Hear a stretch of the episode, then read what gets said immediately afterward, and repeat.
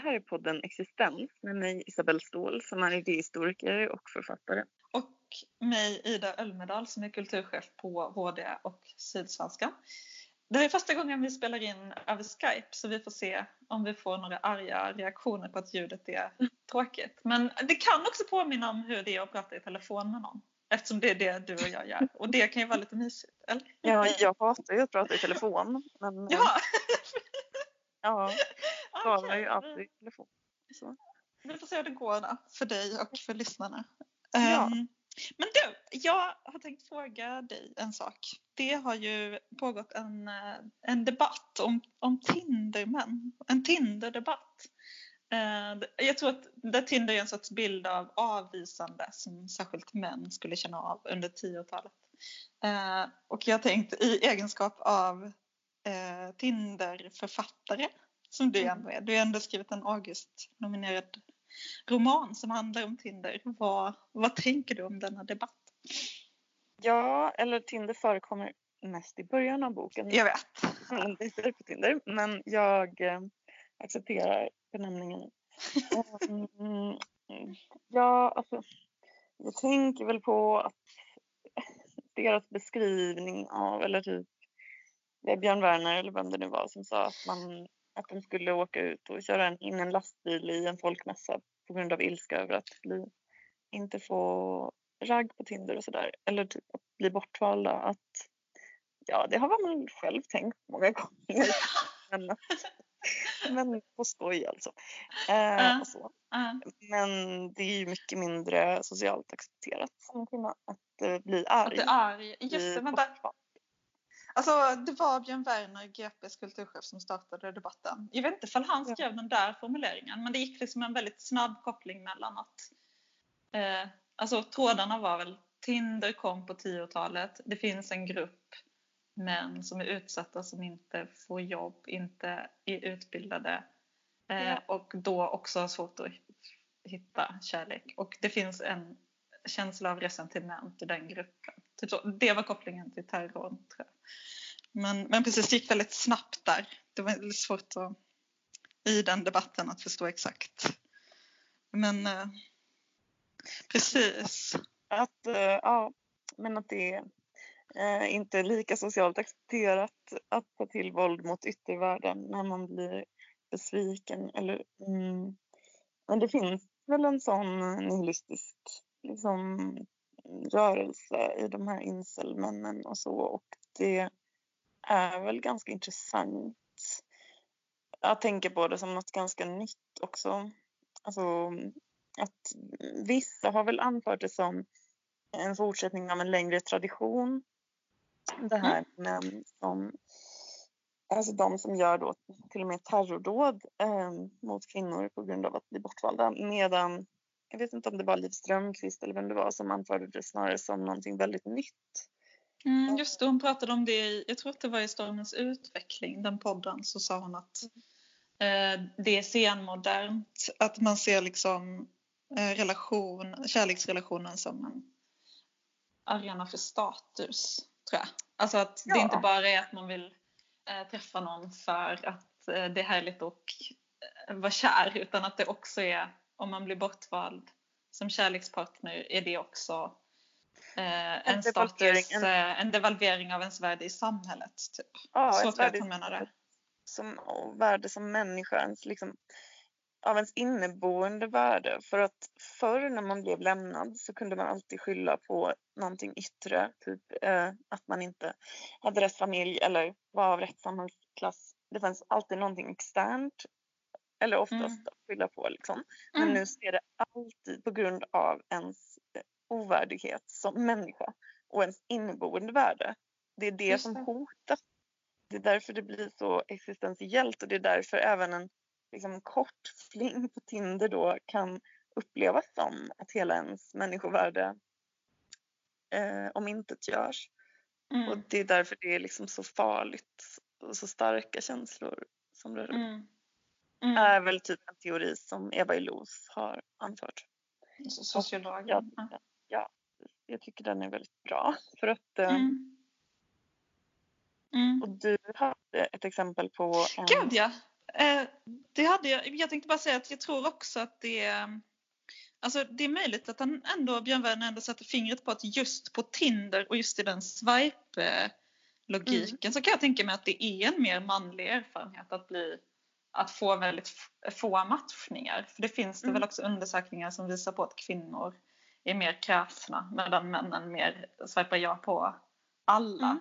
Och just i det stadiet av dejting kan man ju tänka sig att man då känner sig mycket mer, att, att det är som en avvisningsmaskin för vissa män. Ja. Medan, medan för jag tänker att jag kanske är en Tinderkvinna då för att jag har knappt varit på Tinder men jag har bara varit på Tinder när jag typ precis gjort slut eller varit olycklig. Alltså bara behövt lite bekräftelse och då mm. mest haft det till att du vet man får jättemycket matchningar. Alltså som ung kvinna så skulle jag ändå säga att i det lilla stadiet så är det oftast en bekräftelse-app. Ja. Eh, och jag ber om ursäkt för att jag har använt det så. Det är såklart omoraliskt fast jag tror inte det är så ovanligt.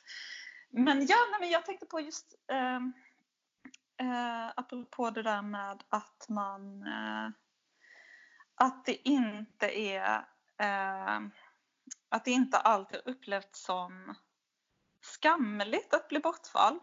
Eller att det liksom inte alltid har varit eh, att att eh, det inte alltid har varit en, en arena där man funderar på sin status. Jag kommer in i den här debatten, debatten från ett så konstigt håll för att jag har ju jag har mitt eh, romantiska 2020 när jag ska läsa olika klassiker från romantiken.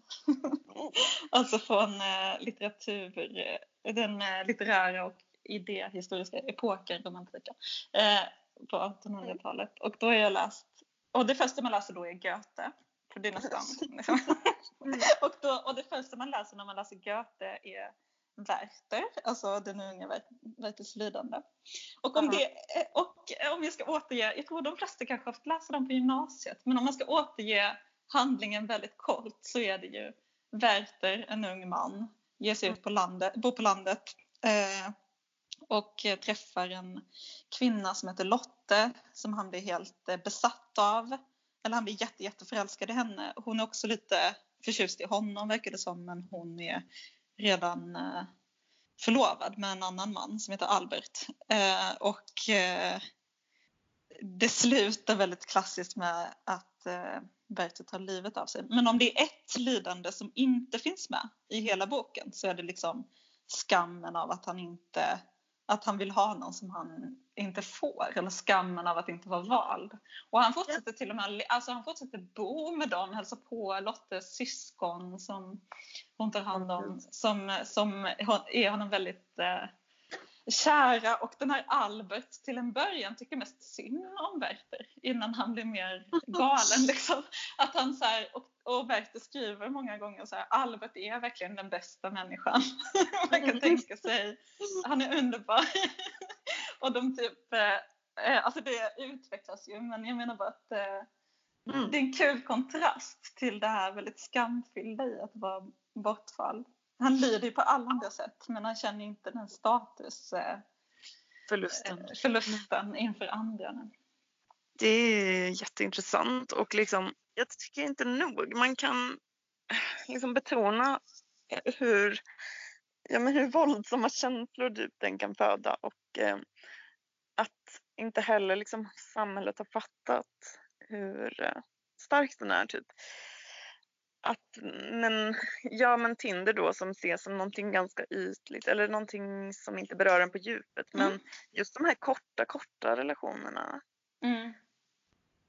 Kanske, kan skapa äh, jättemycket. Kan skapa jättemycket och att de kommer väldigt djupt och att jag menar okej okay, när man jämför med ett tioårigt äktenskap så, så kan det verka till det yttre som att det inte ja. kan ha samma betydelse. Men just, just för att kärleken eller så har fått den här funktionen som eh, värdeskapare på så många plan eh, mm. för mm. individen.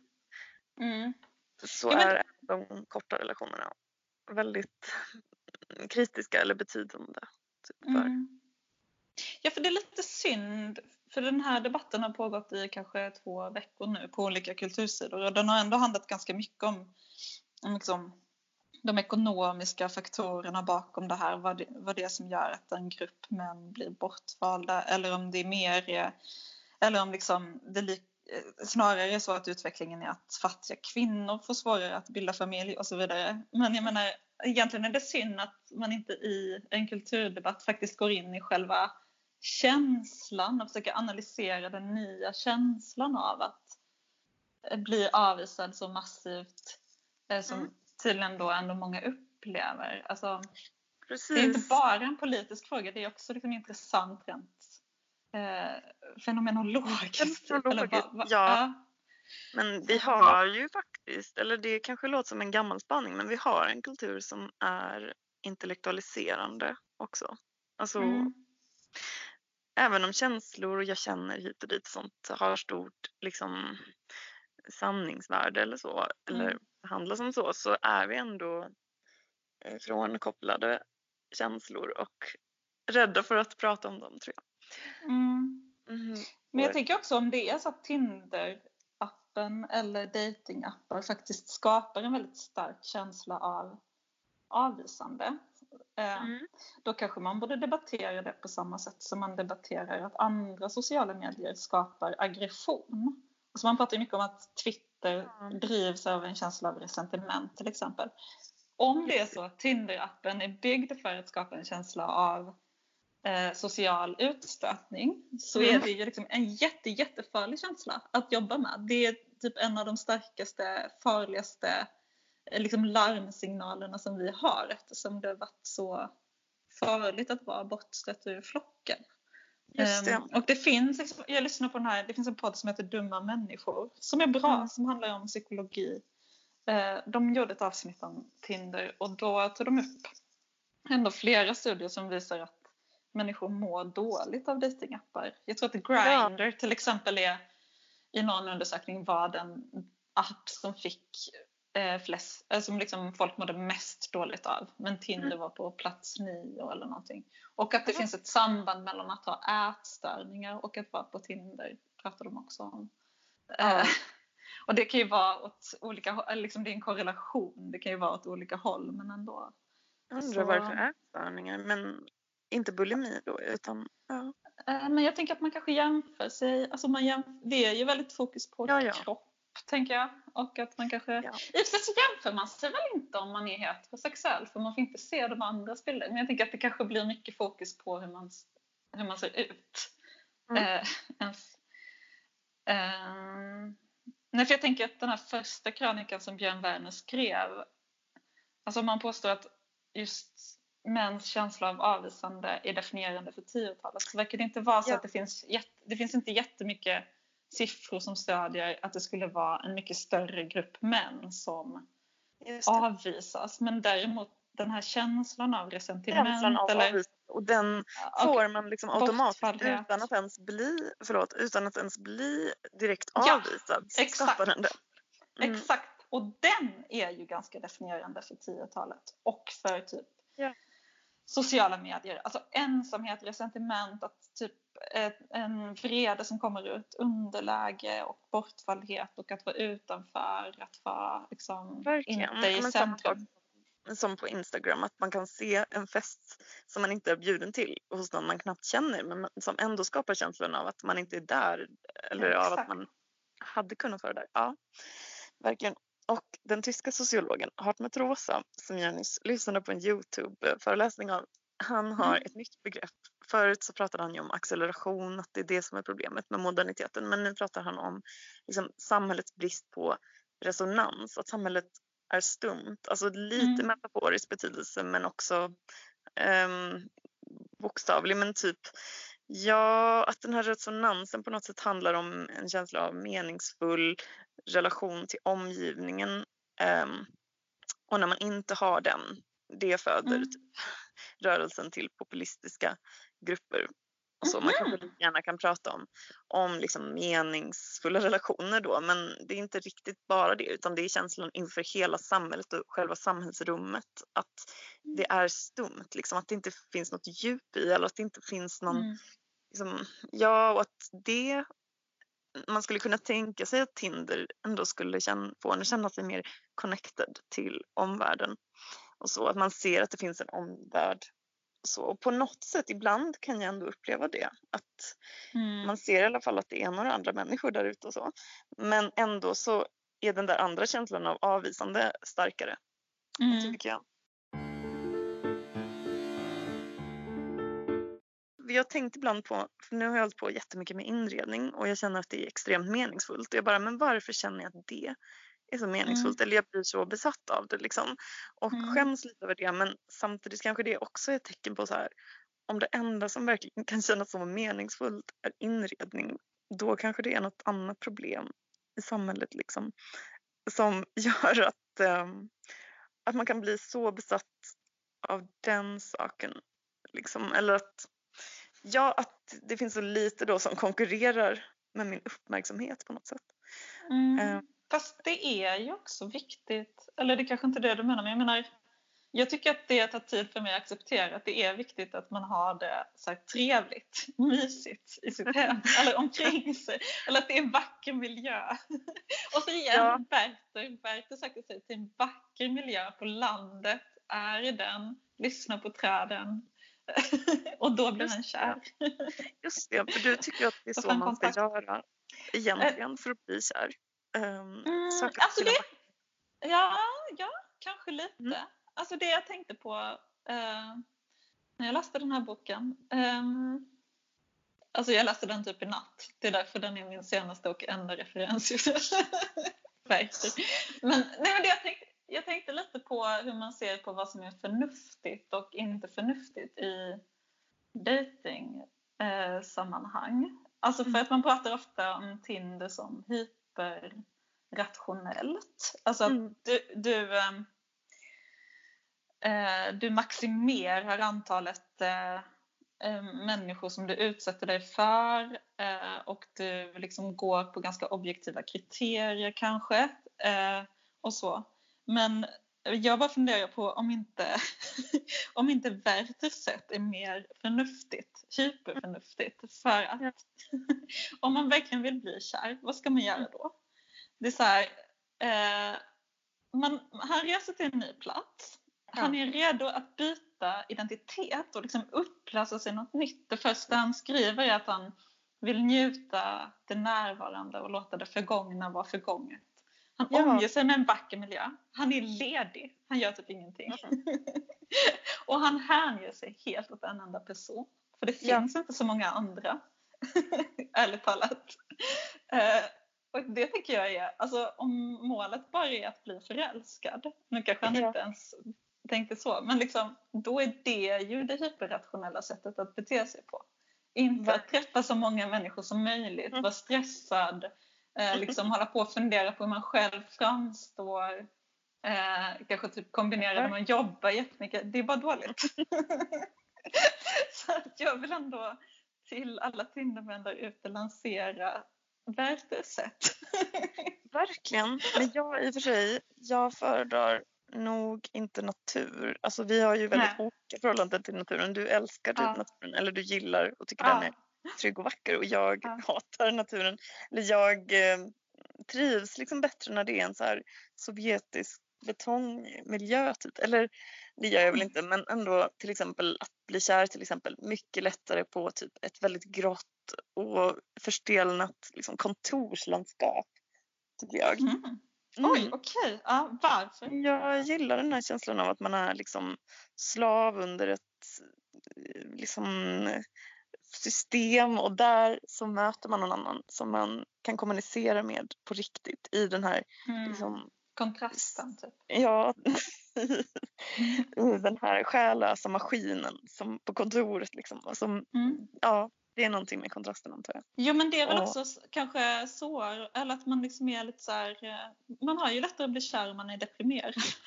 eller typ, Jag- tror att det är så. Om man är lite ledsen. Och också återigen, Werther, vad gör han? Han blir kär i en tjej vars mamma just har dött. Det är jättesmart. Det är smart. Alltså, Ja, det är väldigt smart. Och som vi pratat om tidigare, liksom, egentligen ska man ju också ha lite makt. Man ska vara i underläge till någon Ja. då man vill bli kär i för då blir man lättare kär. Ja.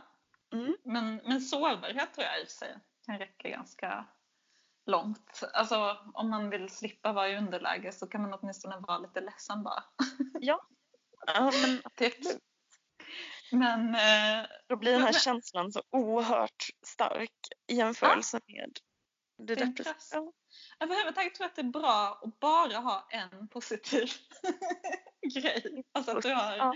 du har bara en räddning. Och nu pratar jag om om man vill bli kär bara. Ja, Tips till Tinderman.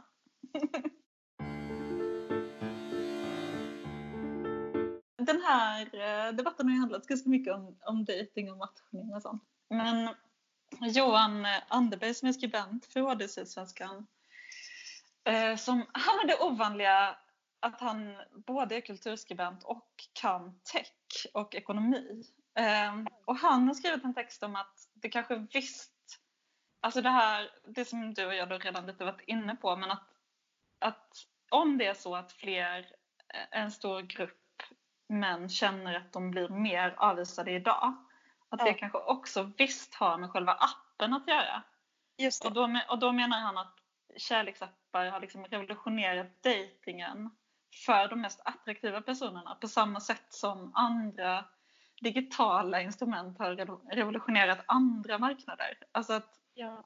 eh, en, att eh, de mindre attraktiva männen ratas inte av mer kräsna kvinnor utan de konkurreras ut av en industriell logik skriver han som mer påminner om hur när små lokala företag går under när tullar och andra handelshinder slopas. Så skriver han. Eh, så tanken är att det blivit Var inte han lätt- också inne på Mm. att det är en slags elit då som Ja. är de som sex och relationer? Precis, han tog också upp eh, Welbecks, säger jag hans namn rätt, eh, serotonin. Houellebecck. Mm. Serotonin. Ehm, men han har ju också skrivit om det elementarpartiklarna så, det är väl ett tema för honom. Men Ja. liksom att, eh, att, eh, ja, men att i serotonin då så läggs det också fram då att sex blivit en elitsyssla typ. Ehm, Ja, men vad tänker du om det det? är en liten grupp människor nästan då som får Ja, alltså att tänker ni att det blivit mycket lättare för attraktiva män att hinna med att träffa många kvinnor? Så då konkurreras de mindre attraktiva männen ut.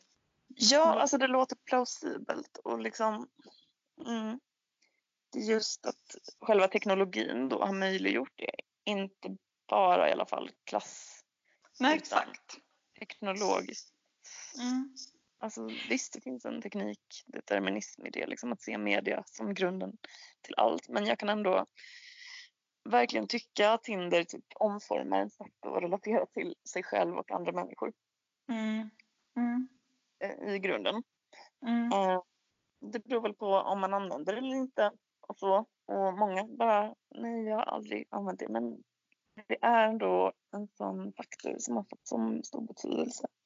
Alltså grejen är att jag tror, eh, jag såg någon kurva som är liksom att det är verkligen fler och fler och fler och fler par som bildas utifrån dejtingappar. Så Jag skulle säga faktiskt ett, att fler använder det och två, det funkar också uppenbarligen för många. Ja, nej men alltså samtliga jag känner som är ihop har träffats på Tinder. Nej okej, ett Va? undantag. Men de, Oj! ja, ett undantag. Men de hade sett varandra på Tinder eh, också. Oj! Mm. Det är ganska... Men okej, det är i Stockholm och det är så här. Ja. en- Jag tror att det det- kan vara så i Malmö också. Fast Skåne är lite mer, det är kortare distanser. Eller liksom, om man vill gå och ta en öl så är det lättare. alltså det apropå Johans eh, drömsamhället med 600, nej 1200 människor typ. Det är en hanterbar mängd människor. Nej men vad heter det? Nej, men det här med Johan Anderbergs argument funkar i och för sig när det gäller tillfälligt sex. Men jag bara tänker, funkar det verkligen när det gäller att bli kär? För jag tänker att bli kär måste väl ta ungefär lika mycket tid oavsett om det är förr eller nu. Och plus det förutsätter ju också att alla de här, alltså att de här kvinnorna vill, alltså att man vill vara flera kvinnor på en man. Liksom. För skillnaden mot företag är ju att de kan locka till sig, ett företag kan liksom bli få monopol och locka till sig alla kunder när mm. tekniken revolutionerar en, mark en marknad och tar ner olika handelshinder. Jag tänker bara att alltså, hur attraktiv en man än är så kan han väl inte eh, samla på sig hur många kvinnor som helst, eller? Nej, bra fråga.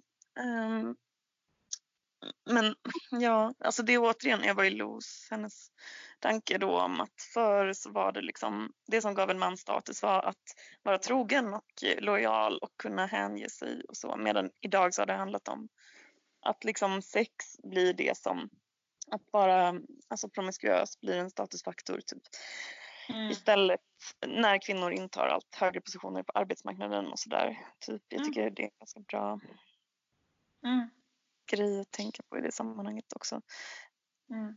Um, men kanske lite orelaterat men... Eh, Nej, det är ju helt, helt relaterat i så fall för att då skulle det ju, då stämmer ju argumentet att liksom då blir det ju eh, då blir ju en grupp mindre attraktiva män de får det lite svårare helt enkelt. Om det är liksom mer ja. så att eh, många kvinnor kan tänka sig att liksom, eller försöker få samma grupp män. Liksom.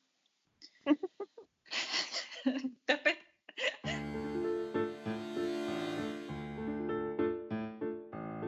Alltså jag vill inte att den här podden ska handla så himla mycket om siffror och sånt. Jag tycker att eh, liksom, Nej, det är inte det. Men, men när jag kollat lite på det här så har jag ändå sett att den här liksom, idén om att det skulle vara jättemycket svårare för...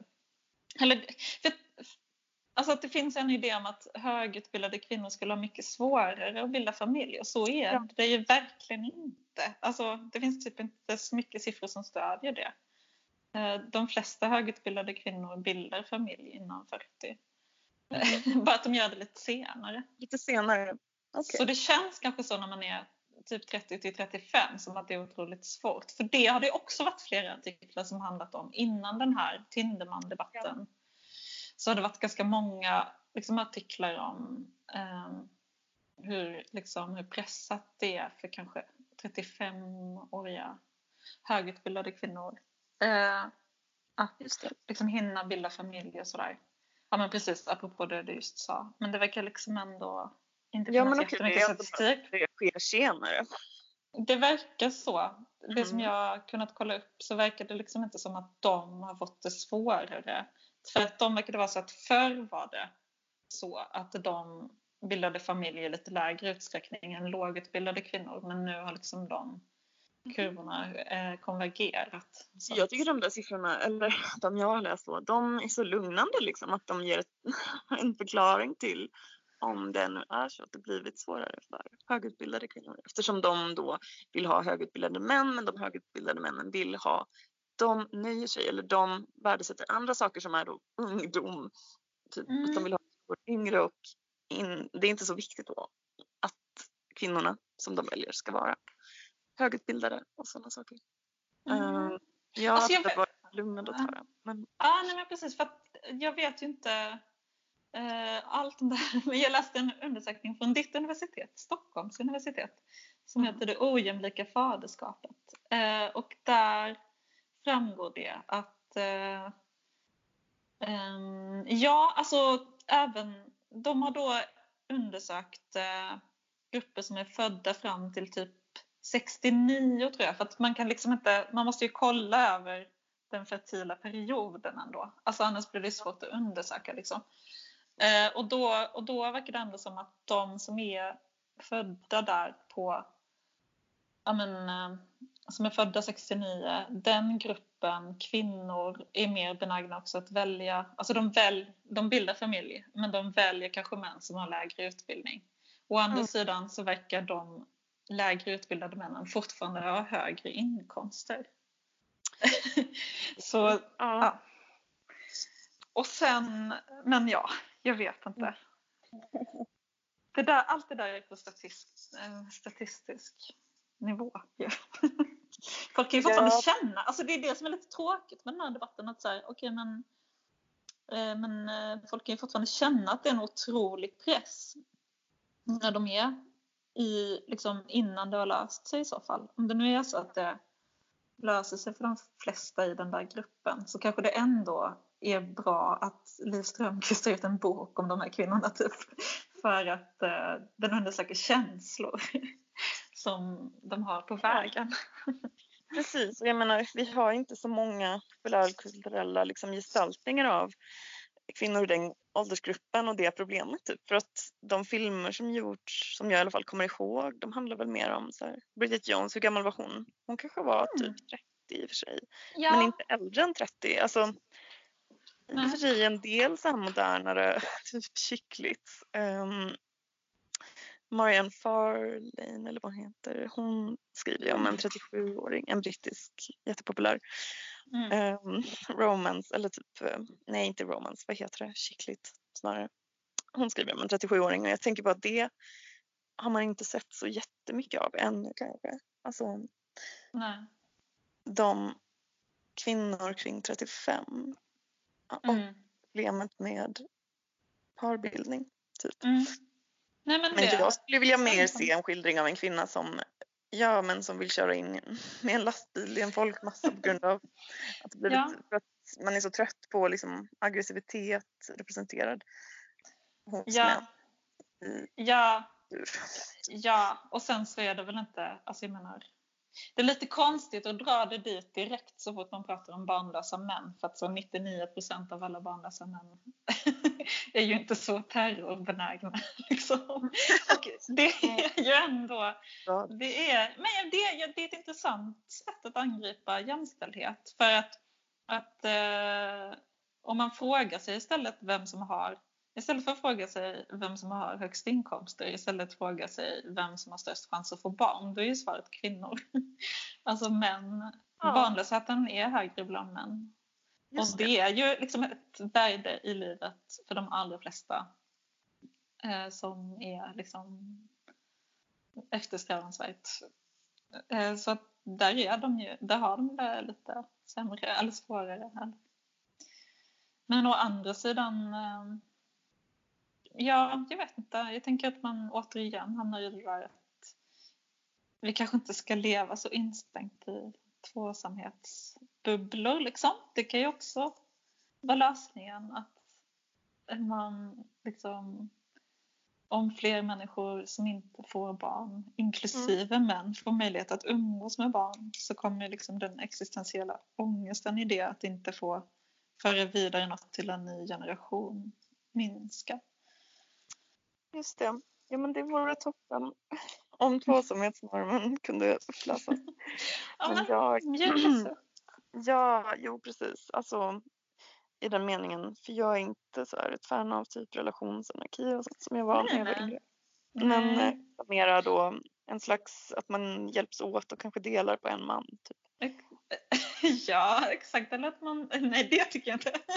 Nej, Jag tycker att man kan bo i kollektivhus eller jag vet inte. Just Alltså, det. typ, eh, den mot den. Ja, För precis. jag tycker också att jag, alltså, det finns också många som inte klarar av att ha barn. Och jag kan tänka mig att den gruppen är lite högre bland män än bland kvinnor också. Liksom.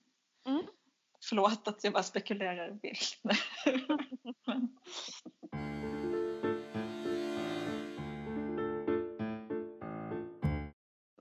ja, jag gillade verkligen den där artikeln av Johan Anderberg. Typ om... eh, Alltså han pratade också om att algoritmen som, som jag förstod det handlade om vilka som visas för varandra på Tinder. Mm. Jag har hört att det Mm. finns någon eller en algor- algoritm som väljer Ja. ut det och att ja, den baserar det på utseende. Um, jag tycker det är så konstigt att ingen har undersökt det för att det är ju verkligen en sån, då visas alltså personer av ungefär samma utseende kvalitet för varandra. Va? Jo men jag har hört att det är så. Alltså, Okej. Mm. Ja. ja, men eh, shit. Spännande. mm. Det är För det. att, eh, för att egentligen skulle man kunna tänka sig att det var ändå att man skulle få möta fler olika så här klassskikt och sånt på Tinder än om man bara raggar på en bar. Typ. Att den Jo men det kanske man får men att de är handplockade utifrån utseende bara. Utseende, ja, ja men okej. Ja. Men jag vet Gud inte. spännande. Det där måste ju någon göra ett gräv på liksom.